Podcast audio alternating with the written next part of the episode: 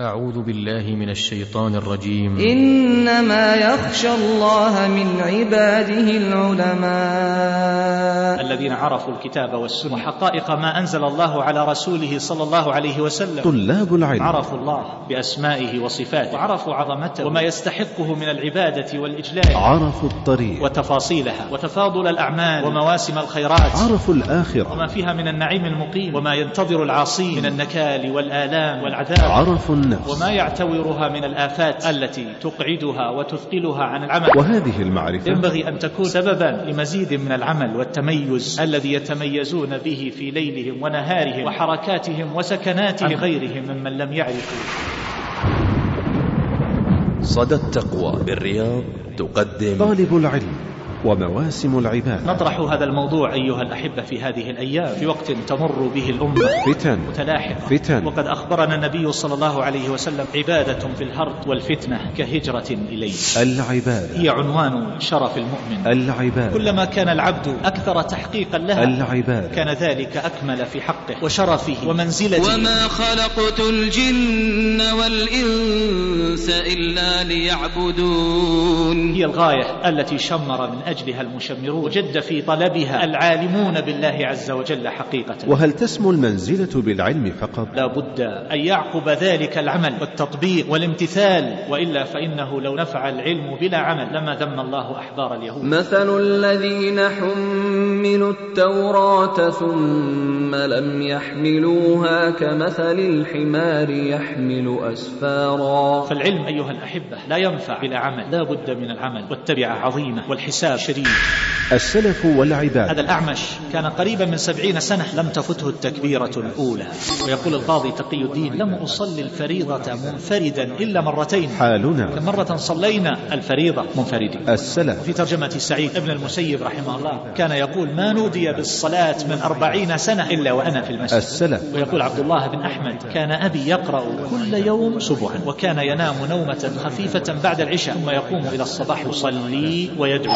طالب العلم. إذا كان العلم لا يربي النفوس فإن النفوس لا تتشربه ولا يؤثر فيها سمتا ولا هديا ولا عملا. ومواسم العبادة. حيث تتتابع هذه المواسم. في نهاية العام. وفي أوله. المحرم. وفيه عاشوراء. صيامه يكفر سنة ماضية. الحج. والحج المبرور. ليس له جزاء إلا الجنة. نعم عظيمة. فهذا أمر من شأنه أيها الأحبة أن يحط الخطايا ويرفع الدرجات. والعارفون. وينبغي أن يكون هؤلاء هم. طلاب العلم. طلاب العلم.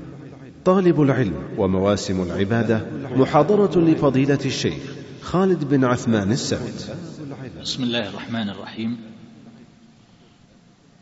الحمد لله رب العالمين والصلاة والسلام على أشرف الأنبياء والمرسلين نبينا محمد وعلى آله وصحبه أجمعين. فسلام الله عليكم ورحمته وبركاته. أيها الأحبة نتحدث بين يديكم في هذا الموضوع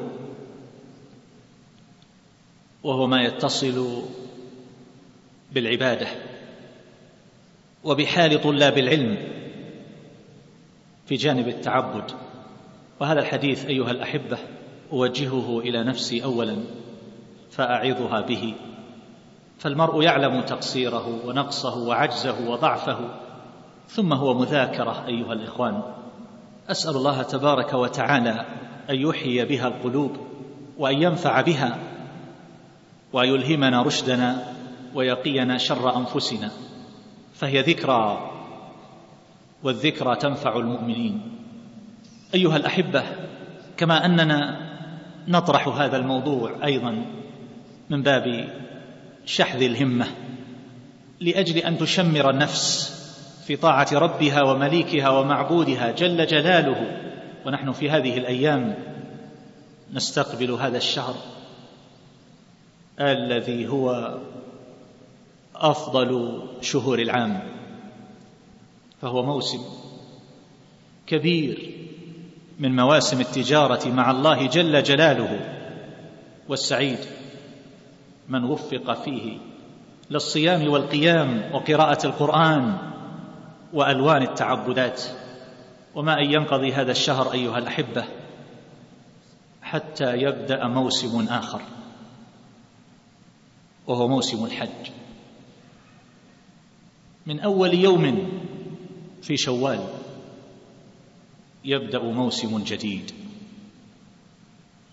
يختم به العام.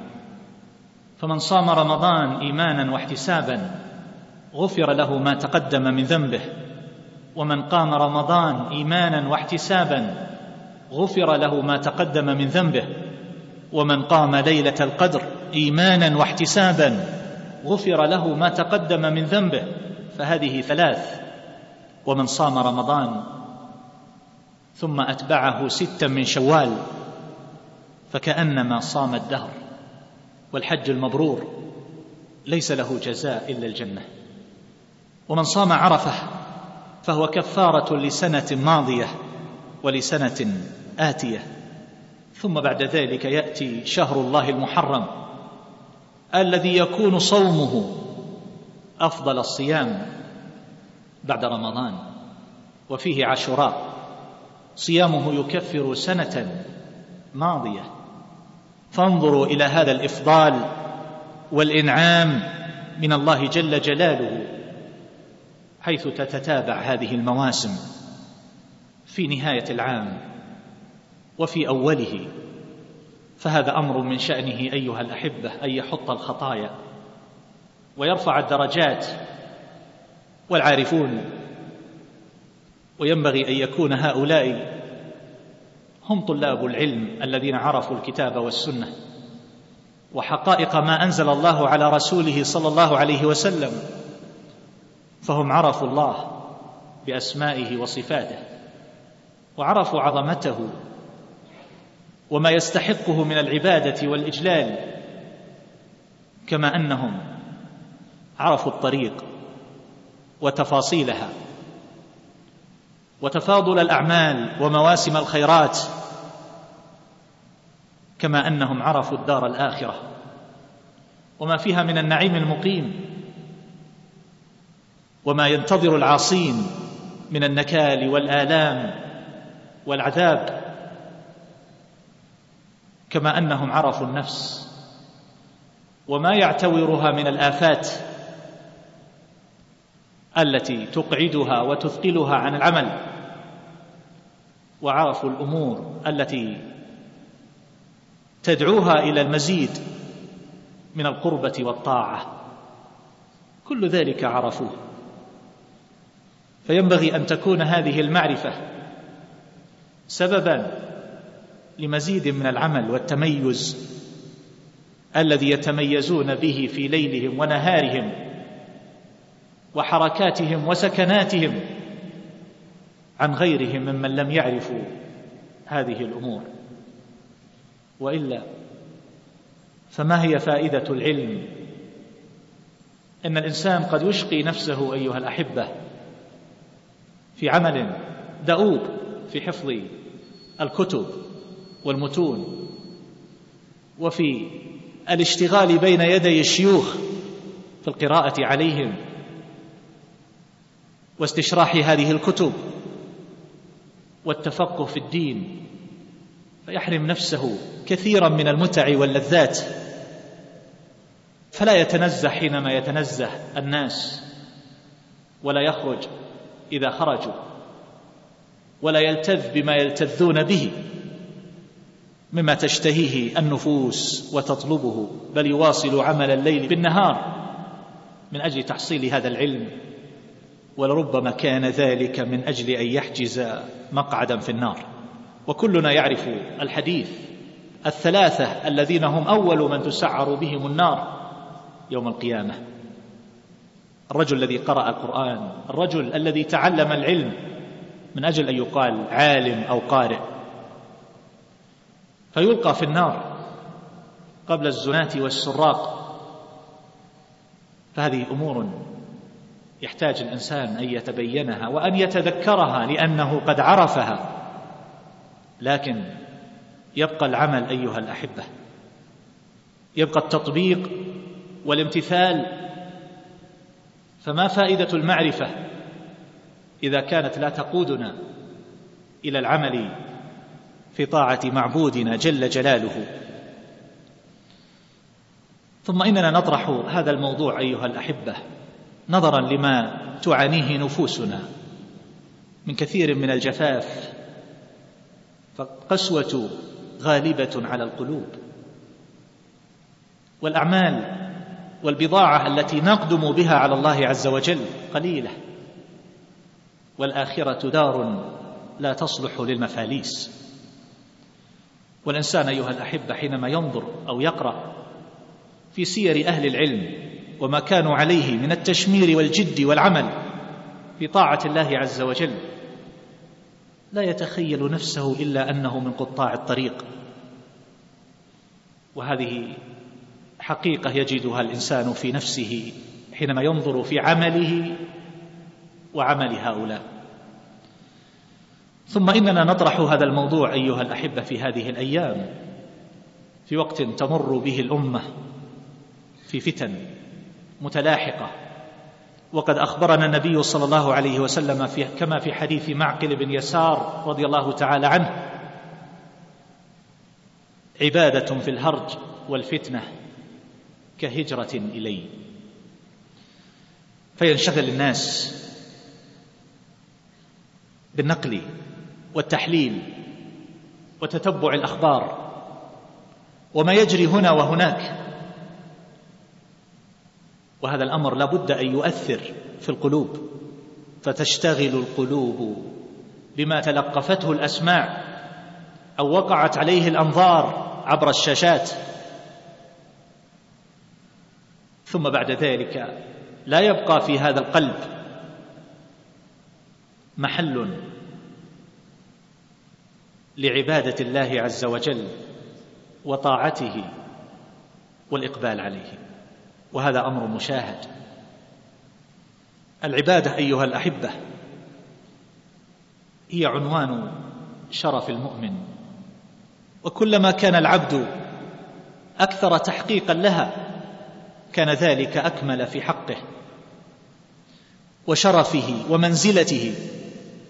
ولذا وصف الله تبارك وتعالى رسوله صلى الله عليه وسلم كما تعلمنا وصفه في أجل المقامات بالعبوديه سبحان الذي أسرى بعبده ليلا من المسجد الحرام إلى المسجد الأقصى في مقام الإسراء. فأوحى إلى عبده ما أوحى في مقام الإيحاء في مقام الدعوة وأنه لما قام عبد الله يدعوه ألم نقرأ هذا في شرح الطحاوية وفي غيره؟ فالعبودية أيها الأحبة هي الغاية التي شمر من أجلها المشمرون وجد في طلبها العالمون بالله عز وجل حقيقة. وهم أهل الخشية. إنما يخشى الله من عباده العلماء. ولذلك أقول أيها الأحبة إن الإنسان لا تسمو منزلته ولا ترتقي درجته بمجرد أمور يحفظها أو حينما يقطع كتبا في العلم قد درسها. وإنما لا بد أن يعقب ذلك العمل والتطبيق والامتثال وإلا فإنه لو نفع العلم بلا عمل لما ذم الله أحبار اليهود. وانظروا إلى أسوأ الأمثال في القرآن حيث ضربت لأولئك الذين يتعلمون ولا يعملون. فالمثل الأول في أمة وهم اليهود مثل الذين حملوا التوراة. ثم لم يحملوها كمثل الحمار يحمل أسفارا. فشبههم بالحمار. وارجعوا إلى كلام الحافظ ابن القيم رحمه الله عند كلامه على هذه الآية حيث ذكر خمسة أوجه تدل على قبح هذه الحال. من بلادة عرف بها الحمار إلى غير ذلك. والمثل الآخر ضربه الله عز وجل لذلك العالم الذي انسلخ من آيات الله عز وجل وأدار لها ظهره. ضرب له مثلا بالكلب في أسوأ صوره وحالاته إن تحمل عليه يلهث أو تتركه يلهث. فالعلم أيها الأحبة لا ينفع بلا عمل لا بد من العمل والتبعة عظيمة. والحساب شديد. والله عز وجل يحاسبنا بمثاقيل الذر. وقد ذكر معاوية بن قرة رحمه الله أنه قد أهدي إليه طعام فأكل منه في الليل ثم ترك بعضه فلما أصبح وإذا هو قد اسود من كثرة الذر. فوزنه ثم نحى عنه الذر فلما وزنه وجده لم يتغير. في الوزن. والله يقول فمن يعمل مثقال ذرة خيرا يره ومن يعمل مثقال ذرة شرا يره. ورجل يقال له أبو العباس الخطاب وزن خمسا وعشرين ذرة بحبة من خردل فكانت حبة الخردل أثقل من خمس وعشرين ذرة. فالذرة الواحدة أيها الأحبة ما وزنها ما مقدارها. والله جل جلاله يحاسبنا على مثاقيل الذر. فيعلم المقاصد والنيات. وليس معنى ذلك أيها الأحبة أن الإنسان يثبط عن العلم أو حفظ المتون حاشا وكلا. فأنا من أشد الناس تحفيزا للهمم من أجل المزيد من الحفظ والرعاية. والعناية بالعلم والجلوس بين يدي العلماء ولكن الكلام ليس في هذا. الكلام في قضية أخرى وهي حينما يكون هذا العلم غاية يتكثر به الإنسان ويتزين في المجالس ولربما قدمه الناس أو طلب ذلك فيتصدر في مجالسهم. وما يغني عنه هذا؟ إذا كان الله عز وجل قد مقته وأبغضه وسخط عمله. والعبادة أيها الأحبة هي رمز خضوع الإنسان المربوب لربه وخالقه جل جلاله. وكلما زادت هذه العبادة زاد هذا الخضوع والإخبات والخشوع وهي العلة كما نعلم. التي من أجلها خلق الله الجن والإنس. وما خلقت الجن والإنس إلا ليعبدون. وإذا نقصت العبادة تمردت النفس. وطلبت الرفعة في الدنيا والعلو. وأصابها ما يصيبها من الكبر والآفات والعجب. فتجد لربما طالب العلم فضلا عن غيره. لربما في نفسه من التعاظم والزهو والتكبر على الآخرين ورؤية النفس ما لا يقادر قدره. وهذه بلية ومصيبة. العلم الصحيح الذي يؤخذ من العلماء الربانيين هو الذي يكسر النفس ويخضعها لربها وخالقها جل جلاله. ولكن هذا العلم أحيانا قد يضر من الناس أيها الأحبة. من يعظم خوفه إذا وقع في المعصية ولربما تعلم بعض الأشياء فهانت عليه ذنوبه. وقد سمعت بعض من يحتج بقوله تبارك وتعالى الذين يجتنبون كبائر الإثم والفواحش إلا اللمم. يقول فالذي يزني أحيانا يزني مرة هذا ممن؟ ذكر الله عز وجل ووصف وأثنى عليهم. وهذا رجل قد ترأس حيث صار يعلم ويدرس في الجامعة ويقول لتلامذته هذا الكلام. وآخر يراود غيره على الفاحشة ويحتج بقوله تبارك وتعالى والذين إذا فعلوا فاحشة أو ظلموا أنفسهم ذكروا الله فاستغفروا لذنوبهم ومن يغفر الذنوب إلا الله. وقد ترى الرجل أحيانا لربما يحرص على بعض الأمور التي سمع النهي عنها فلا يشرب قائما مثلا فإذا درس قال توجد أحاديث تصرف النهي فهو للكراهة فيتعمد من غير حاجة فيشرب قائما هذا بعدما تعلم. ولربما تجد الرجل يخرج لنفسه ألوان التخريجات من أجل أن يستحل ما حرم الله عز وجل. وذلك حينما يوظف العلم من أجل أن يتوصل به إلى شهواته ومطلوبات نفسه. فهذه أمور ينبغي أن يحذر الإنسان منها. أن يكون العلم أيها الأحبة وهو مطلب شريف أن يكون سائقا لنا إلى الجنة. أن يقودنا إلى مرضاة الله جل جلاله. ولذلك أقول أيها الأحبة حتى لا نتحدث بعيدا ينبغي أن يوجه كل واحد منا السؤال إلى نفسه. فالحديث موجه إلينا. ينبغي أن نسأل أنفسنا عن حالنا مع الصلاة المكتوبة. كم مرة في الأسبوع فاتتنا الصلاة؟ كم مرة في العام فاتتنا الصلاة؟ لا نسأل كم مرة فاتتنا تكبيرة الإحرام ونحن نشاهد طلاب العلم في كثير من الأحيان يصلون في أطراف الصفوف يقضون. هذه هي نتيجة العلم أيها الأحبة. هذا الأعمش كان قريبا من سبعين سنة كما ذكر وكيع بن الجراح رحمه الله لم تفته التكبيرة الأولى.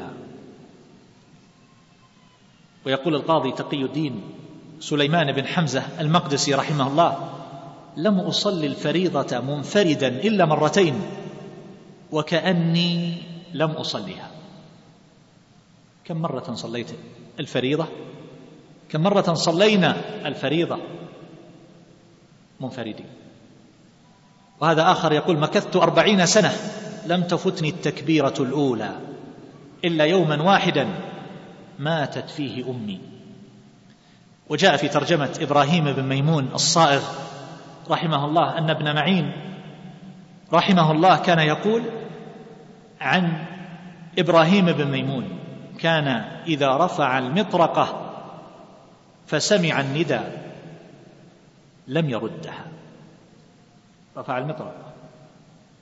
ونحن يؤذن وتقام الصلاة ونحن ننشغل عنها. مع أن الإنسان لو تفكر في قوله الله أكبر لعرف أن الله أكبر من هذا العمل الذي يزاوله. هذه تربية. إذا كان العلم لا يربي النفوس فإن النفوس لا تتشربه ولا يؤثر فيها سمتا ولا هديا ولا عملا ولا عبادة. وفي ترجمة سعيد ابن المسيب رحمه الله تعرفون أخباره. كان يقول ما نودي بالصلاة من أربعين سنة إلا وأنا في المسجد. وكان يقول ما نظرت إلى قفا مصل قط منذ خمسين سنة. يعني من صلى في الصف الثاني؟ ولما حبس وضرب ذهب إلى المسجد فوجد الناس قد خرجوا. قال هذه وجوه ما نظرت إليها منذ خمسين سنة. ونحن في كم مرة نرى تلك الوجوه التي تقابلنا حيث يخرجون من المسجد. اسأل نفسك كم مرة بكيت من خشية الله عز وجل. قد يمر على الواحد منا أيها الأحبة العام وأكثر وعينه لم تدمع من خشية الله. وإذا جفت العين فإن ذلك يدل على نضوب معين القلب من الخشوع. يدل على أن هذا القلب قد صار يابسا جافا. وإذا صار يابسا فلا تسأل عن صلابته وقسوته فلا يلين عند الموعظة ولا يتأثر عند قراءة القرآن. الحسن بن عرفة رحمه الله يقول رأيت يزيد بن هارون بواسط وهو من أفضل الناس عينين. ثم رأيته بعين واحدة ثم رأيته وقد ذهبت عيناه. فقلت له يا أبا خالد ما فعلت العينان الجميلتان؟ فقال ذهب بهما بكاء الأسحار. ذهب ذلك بعينيه. نحن كم مرة دمعت عيوننا. يحتاج الواحد منا أن يتذكر وأن يحاول أن يستحضر كم مرة خشع. وكما قال الحافظ ابن القيم رحمه الله بأن القلوب التي لا تلين عند قراءة القرآن ولا ترق فإنها ستلين في كير النار. أعاذنا الله وإياكم منها. واشتكى ثابت البناني رحمه الله عينه فقال له الطبيب اضمن لي خصلة تبرأ عينك. قال وما هي؟ قال لا تبكي. قال وما خير في عين لا تبكي؟ وهذا هشام الدستوائي رحمه الله. بكى حتى فسدت عينه فكانت مفتوحة وهو لا يكاد يبصر بها. يقول قتادة كان العلاء بن زياد قد بكى حتى عشى بصره وكان إذا أراد أن يقرأ أو يتكلم جهشه البكاء وكان أبوه قد بكى حتى عمي وهذا عطاء السليمي بكى حتى خشي على عينه فأتي بطبيب يداوي عينه فقال أداوي بشرط الا تبكي ثلاثة أيام. فكره ذلك وقال لا حاجة لنا فيك. ثلاثة أيام. ثلاثة أيام. من منا بكى في ثلاثة أيام متتابعة في حياته؟ من خشية الله جل جلاله. والمفروض أن طلبة العلم هم أولى الناس بهذا ولكنها قسوة القلوب أيها الأحبة. انظر إلى جفافنا في العبادة. في سائر العام وفي رمضان. أحوال.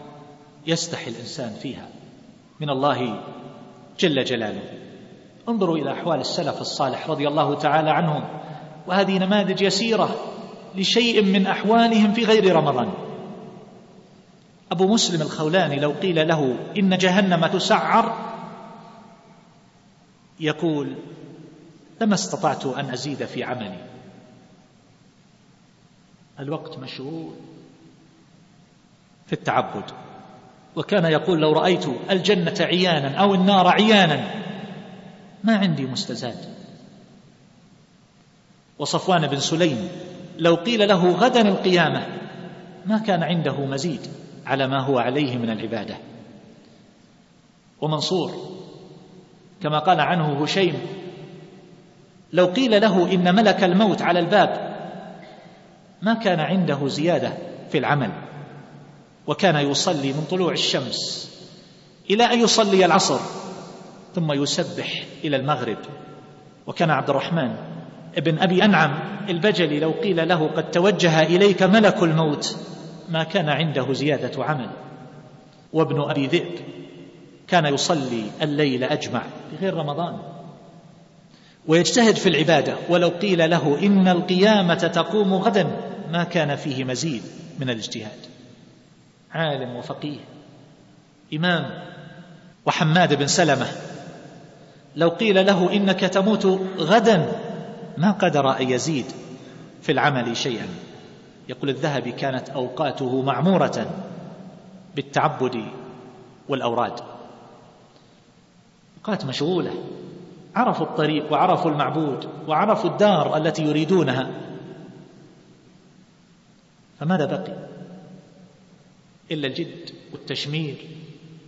ولهذا يقول حماد بن سلمة رحمه الله ما أتينا سليمان التيمي في ساعة يطاع الله عز وجل فيها إلا وجدناه مطيعا.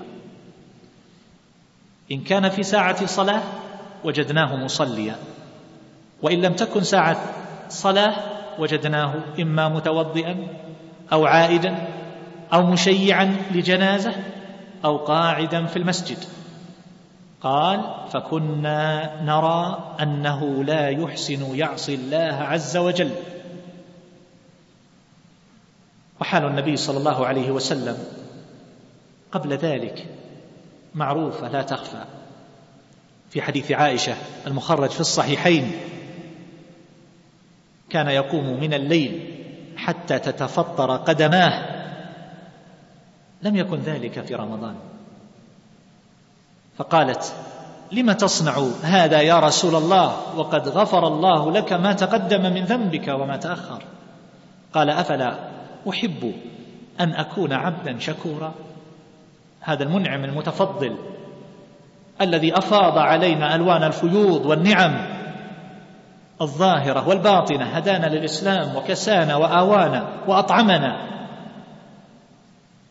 أليس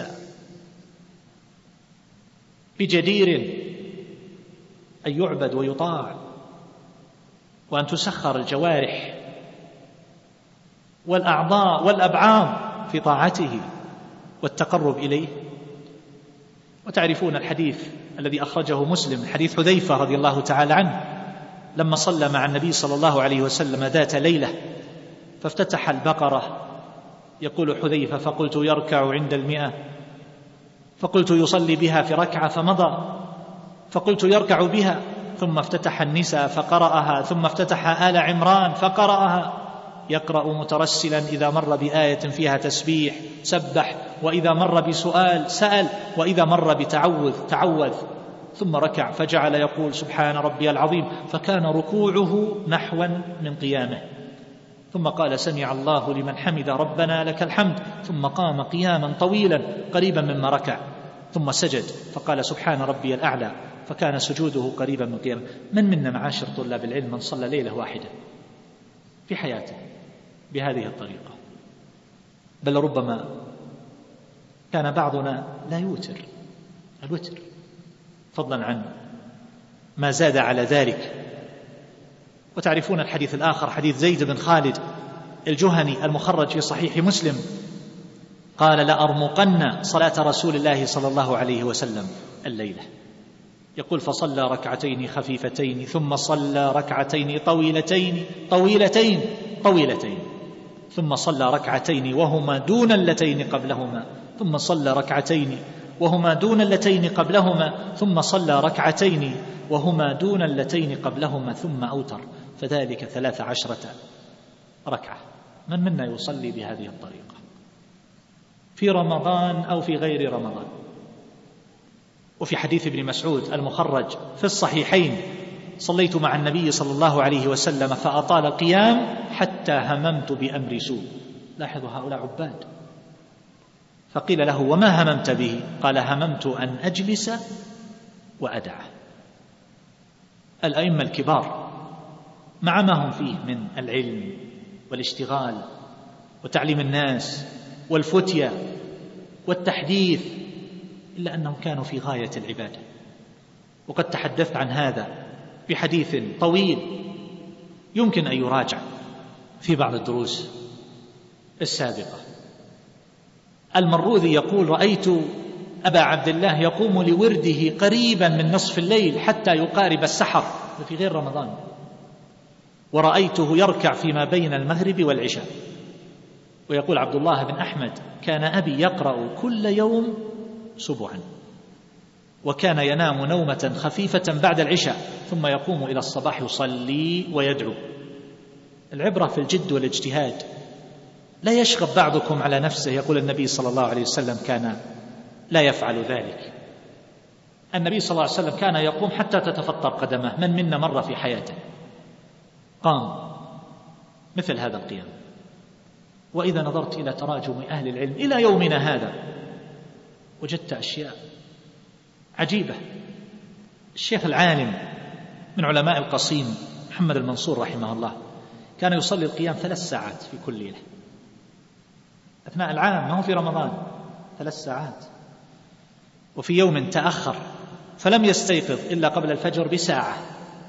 فلما قام قال إنا لله وإنا إليه راجعون. اللهم أجرني في مصيبتي واخلفني خيرا منها. إنسان منا الآن لو قام قبل الفجر بساعة اعتبر أن هذا أمر جاء بما لم يأتي به أحد. حدثني أحد طلاب العلم في المدينة النبوية. يقول قمت في ليلة من ليالي الشتاء بالخطأ. يقول ظننت أن الأذان الأول هو أذان الفجر. فذهبت إلى المسجد النبوي. يقول فنظرت فما وجدت الجموع التي أجدها عادة في صلاة الفجر لكن في ناس كثير. يقول فصليت على أنها السنة الراتبة. انتظرت الإقامة طال الانتظار. أرى الناس يصلون ويتبعون صلاة بصلاة. ما هذه الصلاة اللي يصلونها؟ قلت ثم نظرت إلى الساعة مرة أخرى. فأدركت أني قد أتيت بعد الأذان الأول. يقول فوقع في نفسي شيء من الندم كان يمكن أن يستغل هذا الوقت بالنوم. يقول لكن لما نظرت وجدت العمال وأناس لا يظهر عليهم سيما الاستقامة فضلا عن أن يكون هؤلاء من طلاب العلم. في غاية النشاط والجد هذا يصلي هذا راكع وهذا ساجد وهذا رافع يديه يدعو. هذا طالب علم. يحضر الدكتوراه ويدرس للطلاب. وكانت حالهم أيها الأحبة في السفر كحالهم في الحضر من جهة الاجتهاد والتشمير. ابن أبي مليكة رحمه الله يقول صحبت ابن عباس من مكة إلى المدينة فكان يصلي ركعتين فإذا نزل قام شطر الليل. ويرتل القرآن حرفا حرفا. ويكثر في ذلك من النشيج والنحيق ألسنا إذا سافرنا في كثير من الأحيان أيها الأحبة. نتهافت على النوم لربما نستثقل ركعة واحدة. نوتر بها. الشيخ محمد ابن قاسم رحمه الله عندكم هنا في الرياض. يقول ابنه الشيخ عبد الملك حفظه الله يقول عرف عن الوالد قيامه لليل منذ حداثة سنة. وكان قيامه يتجاوز ثلاث ساعات أثناء السنة سئل هل دلك على هذا الشيخ محمد بن إبراهيم رحمه الله؟ قال لا. وانظروا قال قرأت كتابا عن فضل قيام الليل وكان عمري سبعة عشر عاما فما تركته. قرأ عن قيام الليل مرة واحدة فما تركه. نحن كما نقرأ. وذكرت زوجته أنه قام ليلة زواجه مثل الليالي الأخرى وكان لا يترك القيام لا في السفر ولا في الحضر لا في الشتاء ولا في الصيف وكان يقرأ يصلي وهو في السيارة في صلاة الليل. ولعلكم سمعتم كثيرا من أخبار سماحة الوالد الشيخ عبد العزيز بن باز رحمه الله سماحة الشيخ محمد الصالح العثيمين رحم الله الجميع في صلاتهم من الليل ربما قدم الواحد منهم من سفر وفي غاية الإنهاك ومن معه من المرافقين يقول كنا نتهافت على النوم. فإذا استيقظ أحدهم وجد هذا العالم كأنه غصن شجرة يصلي. مع ضعف الأبدان وتقدم العمر والشباب والقوة والنشاط لربما لا تسعف صاحبها إذا كان قلبه خاويا. وكان بعضهم يقسم الليل أثلاثا كعمرو بن دينار. ففي ثلث ينام وفي الآخر يراجع الحديث وفي الثالث يصلي. وكذا كان الشافعي رحمه الله يفعل. جزأ الليل ثلاثة أجزاء. ففي ثلث يؤلف وفي الثاني يصلي وفي الثالث ينام.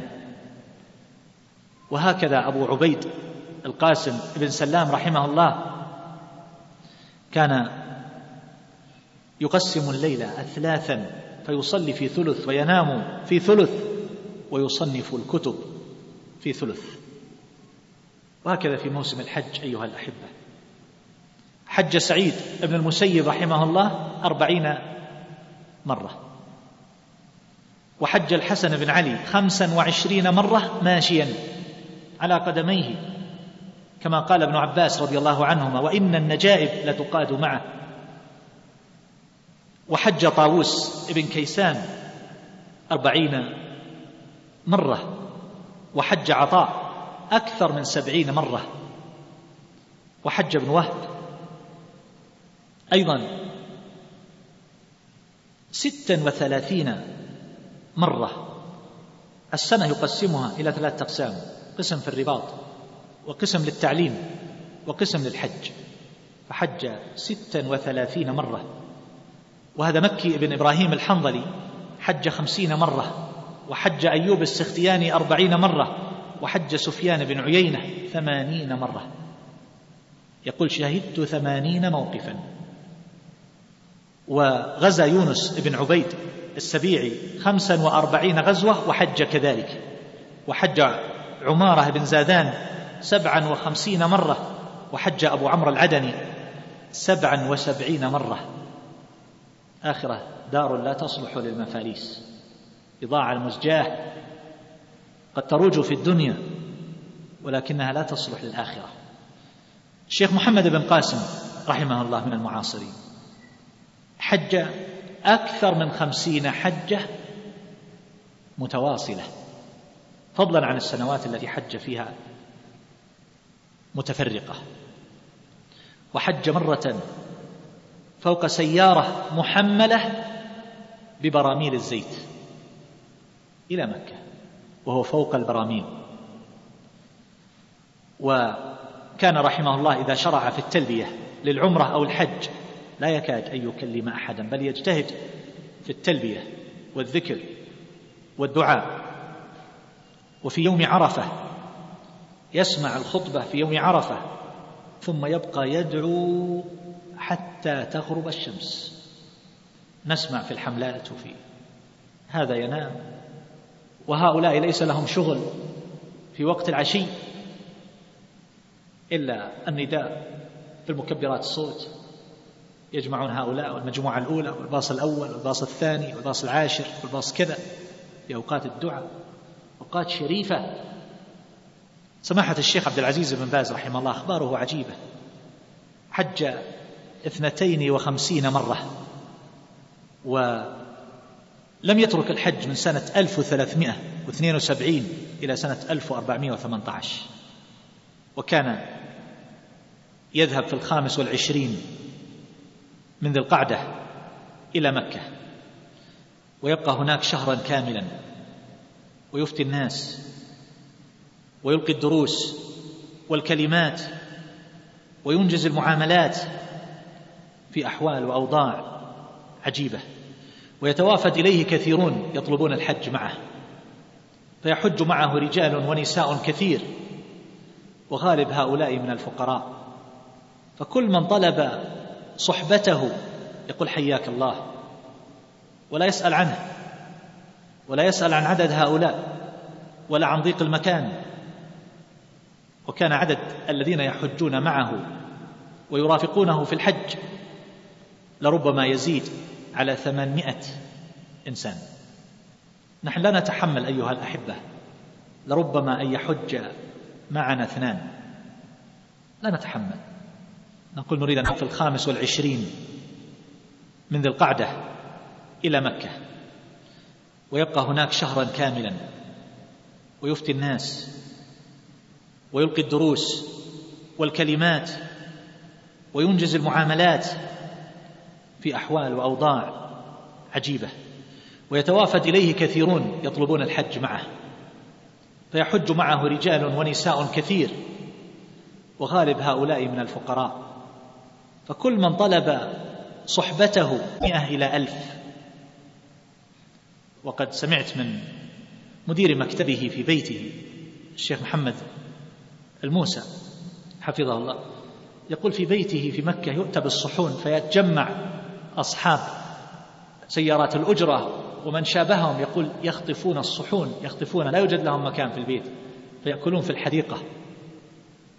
يخطفون الصحون خطفا. وربما تجمع الناس ولا تصل يد الإنسان إلا من وراء الناس إلى الصحن. وكان عدد الذين يتناولون الطعام معه في مكة يتراوح ما بين الثلاثمائة إلى الأربعمائة. وكان عدد الصحون التي تقدم فيها المائدة في العادة في مكة يصل إلى أربعين أو إلى خمسة وأربعين صحنا وقد تصل إلى الخمسين. وقالوا له مرة الذين يريدون الحج معك كثير والمكان لا يتسع والسيارات لا تفي.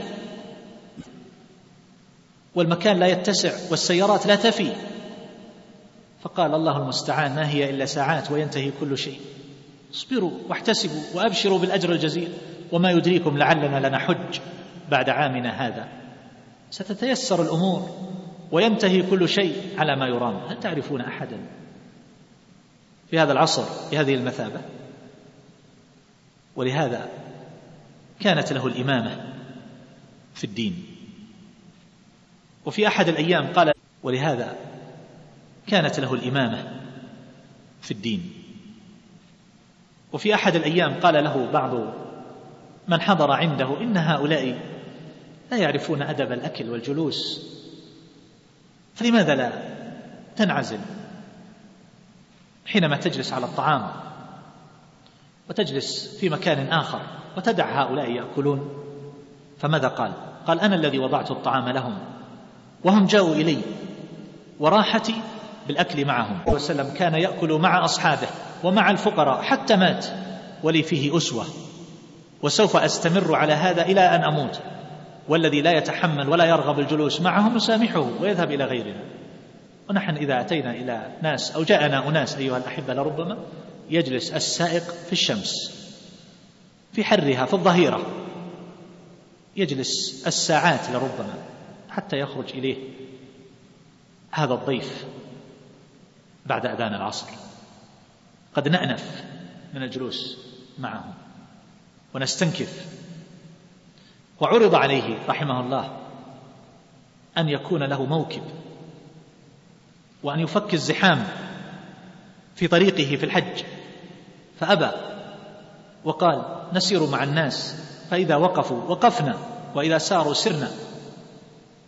وإذا جاء اليوم الثامن من ذي الحجة يخرج إلى منى في الساعة العاشرة صباحا وهو محرم وإذا وصل إلى منى جلس في المصلى حتى يصلي الظهر ثم يلقي كلمة ثم يدخل خيمته وتقرأ عليه بعض المعاملات وتقرأ عليه الصحف الصادرة في ذلك اليوم ثم يتغدى ويصلي العصر بالناس ويلقي كلمة توجيهية يبين فيها أحكام ذلك اليوم ثم يدخل خيمته ويقرأ عليه ما يتيسر من المعاملات والكتب ثم يأخذ قسطا من الراحة ثم بعد ذلك يجلس للناس بعد المغرب ويلقي كلمة ثم توجه إليه الأسئلة ثم بعد ذلك يذهب بعد العشاء لإلقاء محاضرات هنا وهناك.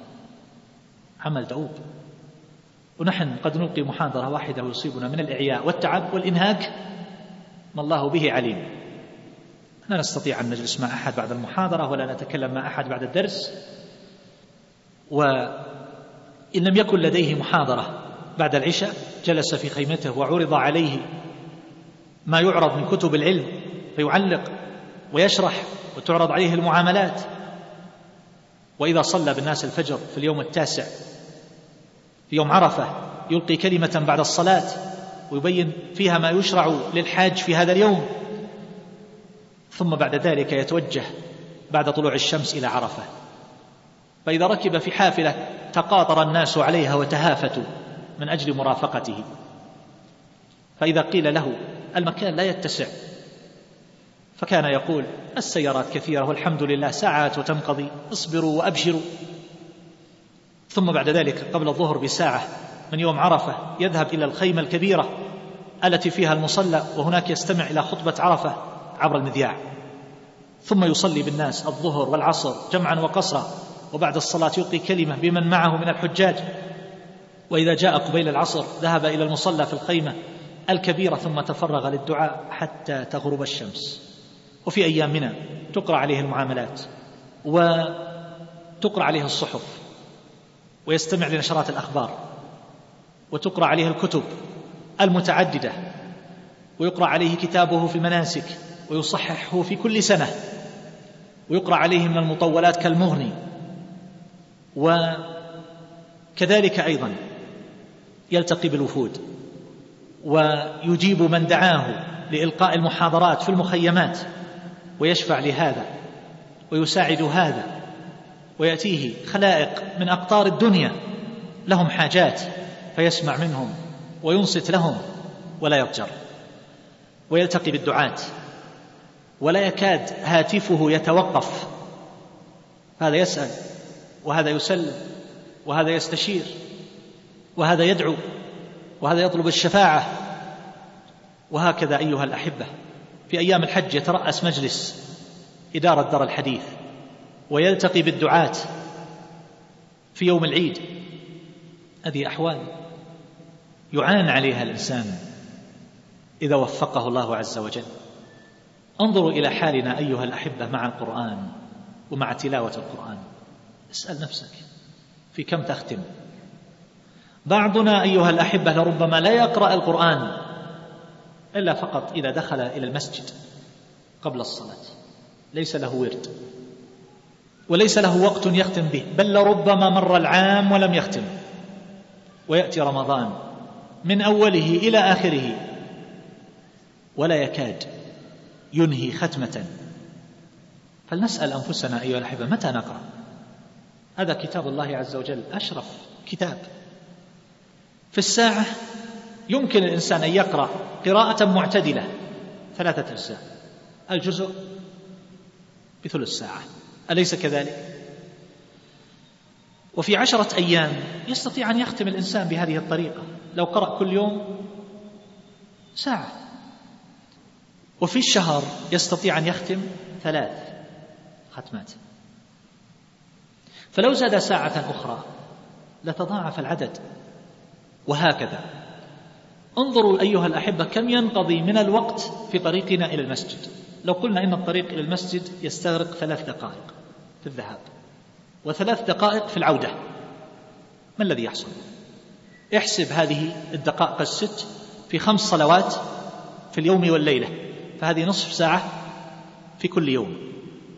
تستطيع أن تختم في الشهر ختمة ونصف في هذا الوقت اليسير في الطريق إلى المسجد. لو قرأنا قبل كل صلاة لو فرضنا أن الوقت قبل كل صلاة يبلغ عشرين دقيقة المغرب عشر دقائق أضف إليها من صلاة الفجر عشر فكان ذلك يفي بخمسة أجزاء. في الشهر الواحد إذا قرأنا قبل الصلاة. في كل ستة أيام يستطيع بهذه الطريقة الإنسان أن يختم ختمة سألت أحد العوام كم يختم أثناء العام في غير رمضان لأني رأيته يقرأ القرآن كثيرا. قال أختم في كل خمس. وآخر لا يظهر عليه سيم الصلاح إطلاقا كان يختم في كل يومين ختمة أثناء العام. وهو من أثرى الناس. ولو سميته لعرفتموه جميعا. لا يظهر عليه سيم الصلاح في ظاهره. يختم كل يومين ختمة فأين طلاب العلم؟ يا معاشر طلاب العلم. علمنا النبي صلى الله عليه وسلم أن الحرف الواحد من القرآن بعشر حسنات. وعلمنا ذلك من أجل أن يحفزنا لمزيد من القراءة والاشتغال بكتاب الله جل جلاله. فعلى قول ابن مسعود رضي الله تعالى عنه في العد تعلمون تفاوت العد في كلمات القرآن بناء على اعتبارات معينة على هذا القول أوصلوا كلمات القرآن إلى سبعة وسبعين ألفا وتسعمائة وأربع وثلاثين كلمة. فإذا أخذنا بقول شيخ الإسلام ابن تيمية رحمه الله بأن معنى الحرف لا أقول ألف لام ميم حرف أن الحرف هي الكلمة وليس حرف التهجي لأنه قال ألف فهذه ثلاثة حروف تهجي ألف لام ما قال ألم؟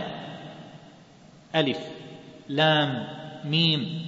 شيخ الإسلام يرى أن الكلمة هي الحرف وليس حرف الهجاء. فعلى هذا القول كم يكون في قراءة القرآن من حسنة؟ الحسنة بعشر أمثالها. اضرب عدد الكلمات بعشر. لا تضرب إلى سبعمائة. بعشر. فهذه سبعمائة وتسع وسبعون ألفا وثلاثمائة وأربعين حسنة. وإذا اعتبرنا قول أكثر أهل العلم بأن الحرف هو حرف التهجي.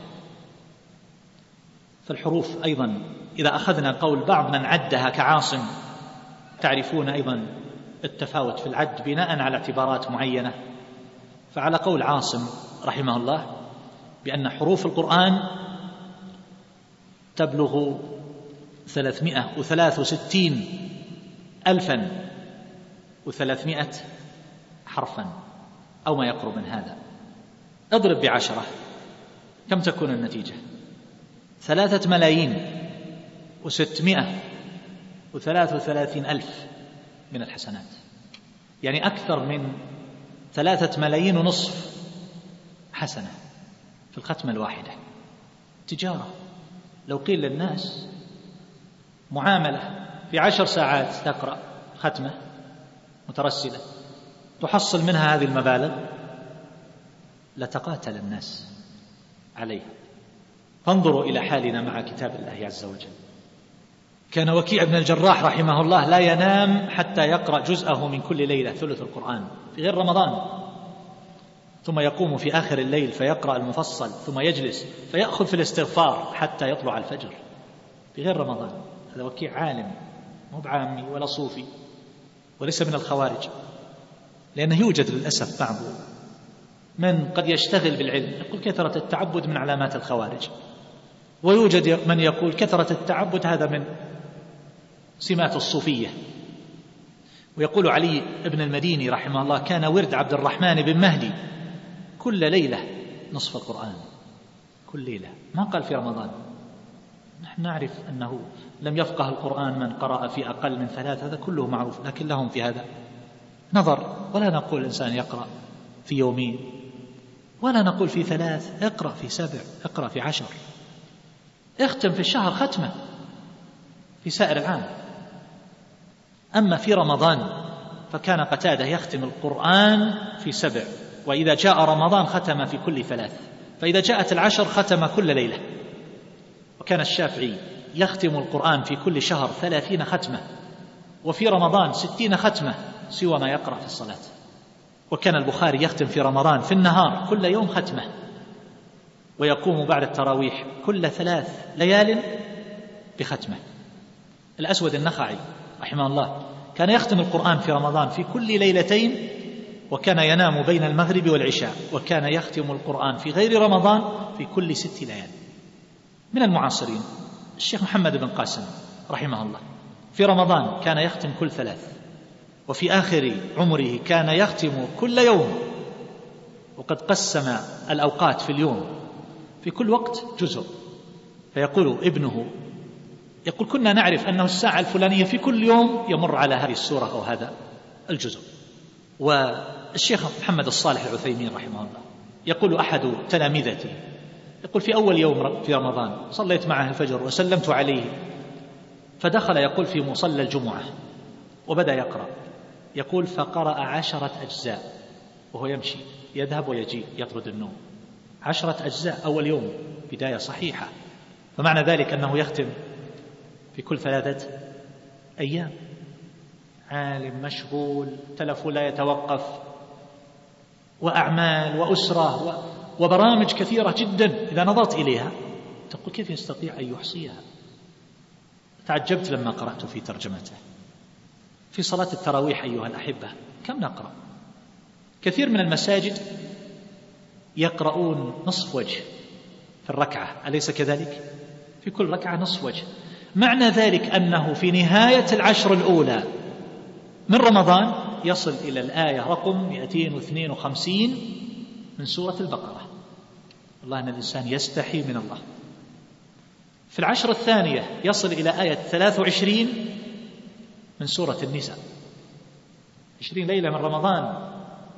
صلاة التراويح. يزيد هذا اللي يصلي 11 ركعة. يزيد في العشر الأواخر فيقرأ وجها في كل ركعة.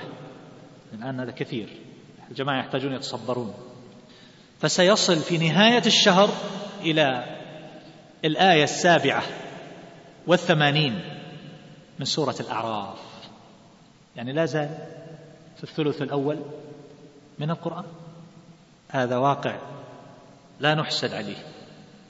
أبو الدرداء رضي الله تعالى عنه يقول لقد كنت أقرأ بهم ربع القرآن في كل ليلة فإذا أصبحت قال بعضهم لقد خففت بنا الليلة. وكان أبو رجاء العطاردي رحمه الله يختم في رمضان في كل عشرة أيام في الصلاة. في صلاة التراويح كل عشرة أيام ختمة تعرفون الحديث المخرج في الصحيحين حديث عائشة رضي الله تعالى عنها. كان رسول الله صلى الله عليه وسلم إذا دخل العشر أحيا الليل وأيقظ أهله وجد وشد المئزر.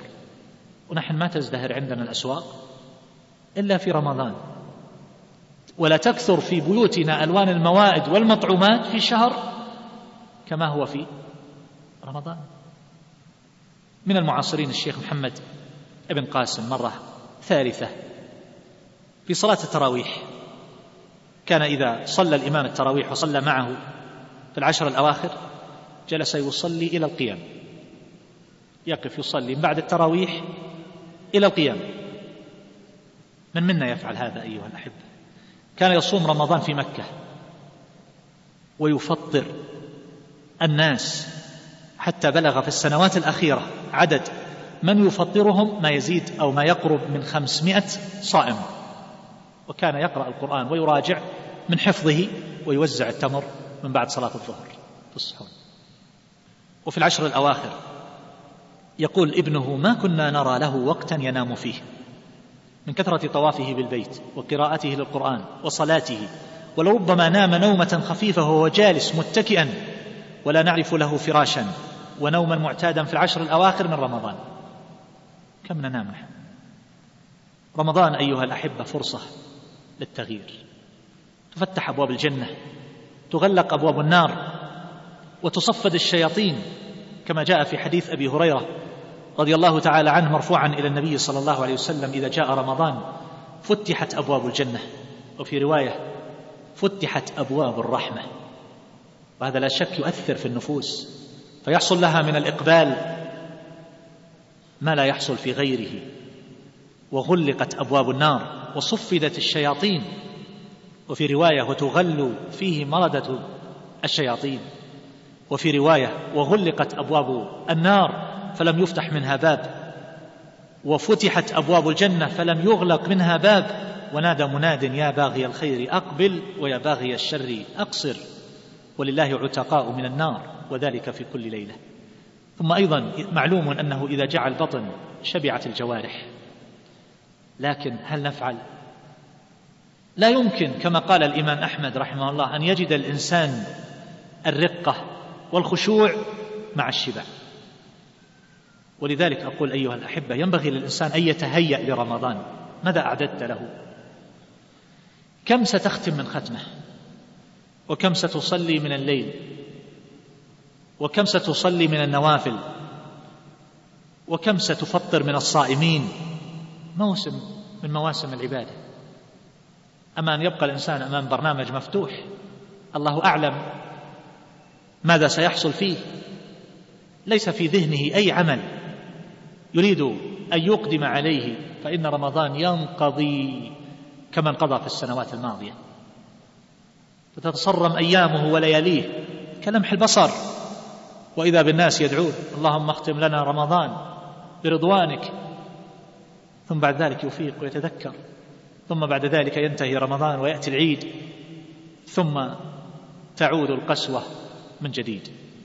إذا أردت حضور القلب فعليك بمعرفة حقيقة الصيام وذلك بالتقلل من الطعام والشراب فإن الفضول منه يقسي القلب ويفسده ويورث رخاوة في البدن وضعفا وخمولا وخثورة.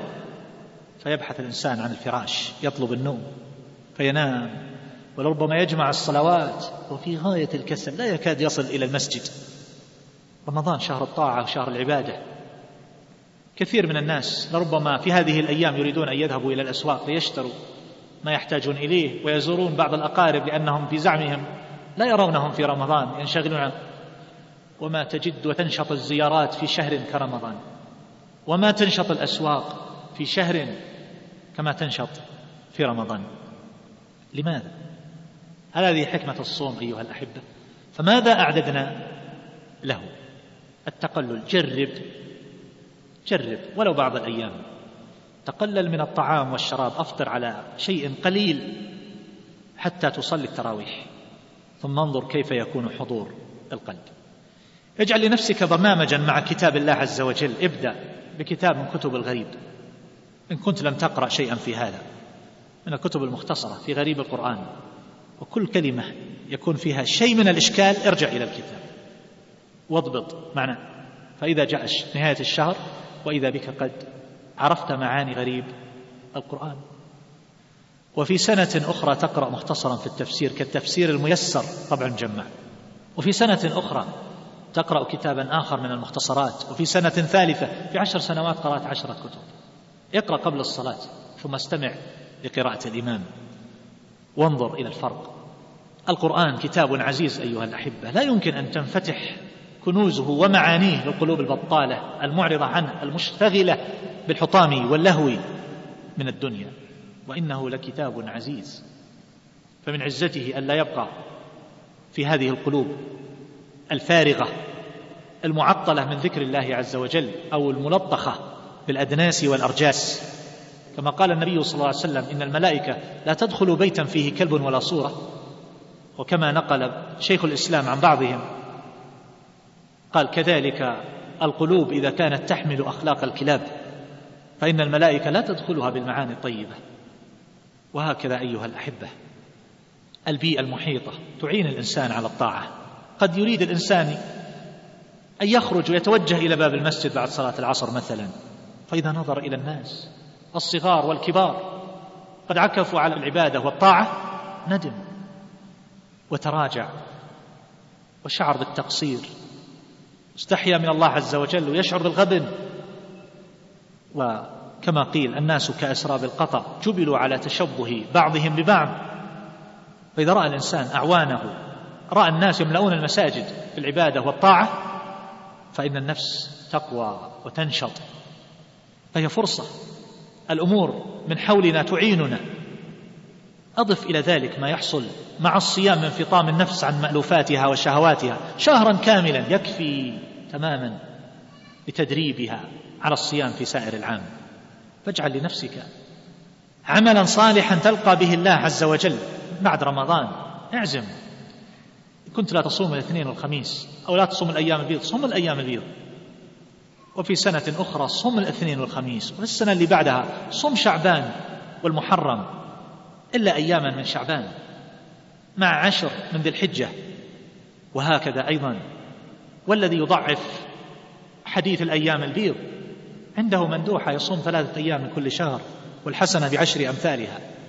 فكم نضيع على أنفسنا أيها الأحبة؟ فكر. وينبغي أن تتعرف على النفس ومداخلها. وما يأتيك الشيطان منه. الأبواب التي يصل إلينا الشيطان منها ما هي؟ تغلق. من أجل المزيد من العمل. قراءة القرآن. في شهر رمضان تختم كثيرا وبعد رمضان تسير على طريقة تطيقها بحسب حالك وعملك.